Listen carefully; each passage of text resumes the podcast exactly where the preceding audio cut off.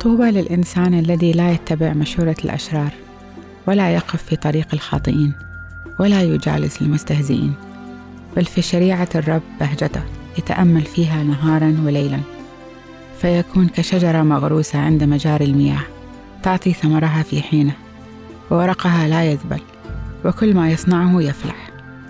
ليس كذلك حال الأشرار بل إنهم مثل ذرات التبن التي تبددها الريح. لذلك لا تقوم لهم قائمة في يوم القضاء ولا يكون للخطأ مكان بين جماعة الأبرار لأن الرب يحفظ طريق الأبرار أما طريق الأشرار فمصيرها الهلاك.